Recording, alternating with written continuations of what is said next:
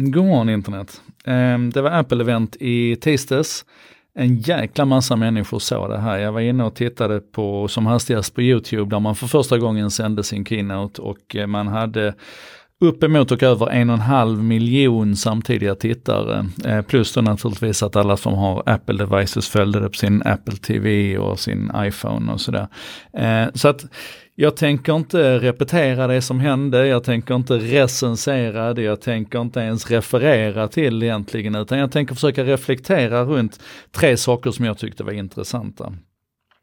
Eh, och det första det handlar naturligtvis om hur Apple som i grunden är ett hårdvaruföretag som det, det, kanske, det kanske är lite fel egentligen. Apple är väl i grunden ett idéföretag och, har förstått det här med skillnaden mellan innovation och uppfinningar. Att innovation handlar om att föra det till marknaden i rätt tid och sådär.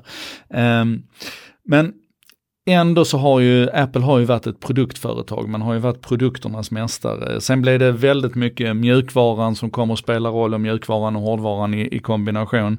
Och nu är det ju helt uppenbart att det är ekosystemet och allt mer services det handlar om. Man släppte ju nu till exempel priserna för Arcade, alltså sin lilla eh, spel på prenumeration. Man släppte priserna för Apple TV och båda två prissatte man till 499 dollar per år. Och man kommer också inkludera ett fritt år på till exempel exempel Apple TV när du köper en Apple-produkt. Och, så. och det är oerhört tydligt här nu att jag menar, Apple gör ju fortfarande fantastiska produkter, men tittar man på vad man släppte i produktväg igår så var det en, en, en facelift på en gammal iPad, inte ens den senaste iPaden faceliftade man. Det var, det var en uppgradering av iPhonen som jag tror att de flesta kände sig ganska besvikna på, men man la jättemycket krut på att prata om, om services. Så att man har alltså gjort en resa från hardware till software till services. Och då ska man komma ihåg också att Apple har ju gjort en, en resa inom hårdvarusegmentet också, där man inledningsvis byggde sina produkter på komponenter som var commodities, men man var duktig på att sätta ihop det och addera mjukvara på toppen. Sen har Apple allt mer liksom gått på djupet och gjort Eh, sina, sina CPU, alltså sin chiputveckling till en del av sin, sin edge. Men inte ens det räcker liksom längre för att på bredden kunna ligga i framkant med bibehållen kvalitet. Utan framkanten är idag förbehållen de som, de som har råd, tycker man då att experimentera, misslyckas och så vidare.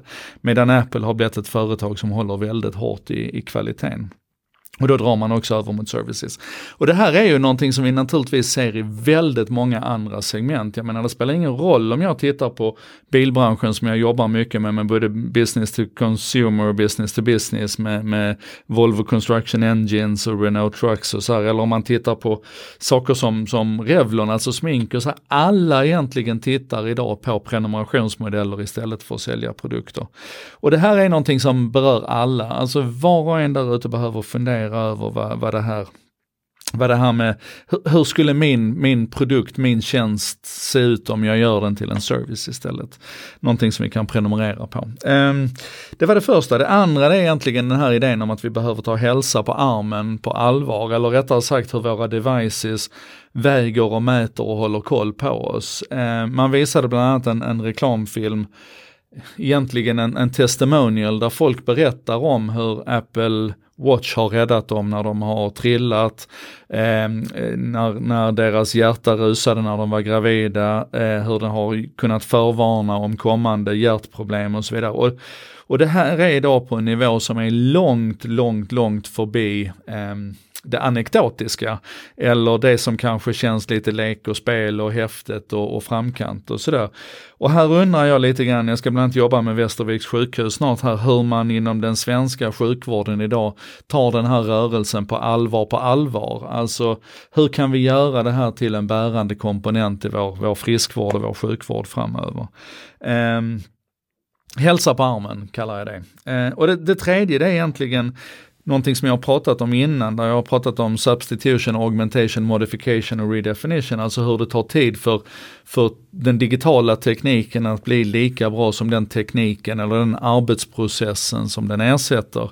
Eh, och jag tycker det är himla kul att vi nu är inne på Series 5, alltså den femte eller egentligen den sjätte generationen av Apple Watch innan vi får en Apple Watch som faktiskt är tänd hela tiden. Förvisso neddimmad, förvisso med lägre uppdateringsfrekvens performance och så vidare. Men det är inte längre en svart yta som kräver att du vrider på armen eller tilltalar den eller gör någonting aktivt för att den ska tändas upp. Utan först nu på den femte generationen så är den tänd hela tiden. Och jag vet att många inte vill ha det, man kommer vilja ha den släckt mellan varven. Men, men ändå som någon slags konceptuell idé så tog det, tog det fram till den femte generationen innan den i en av sina mest grundläggande delar, en klocka på armen som vi alltid kan titta på, eh, innan vi når fram till att den är tänd hela tiden.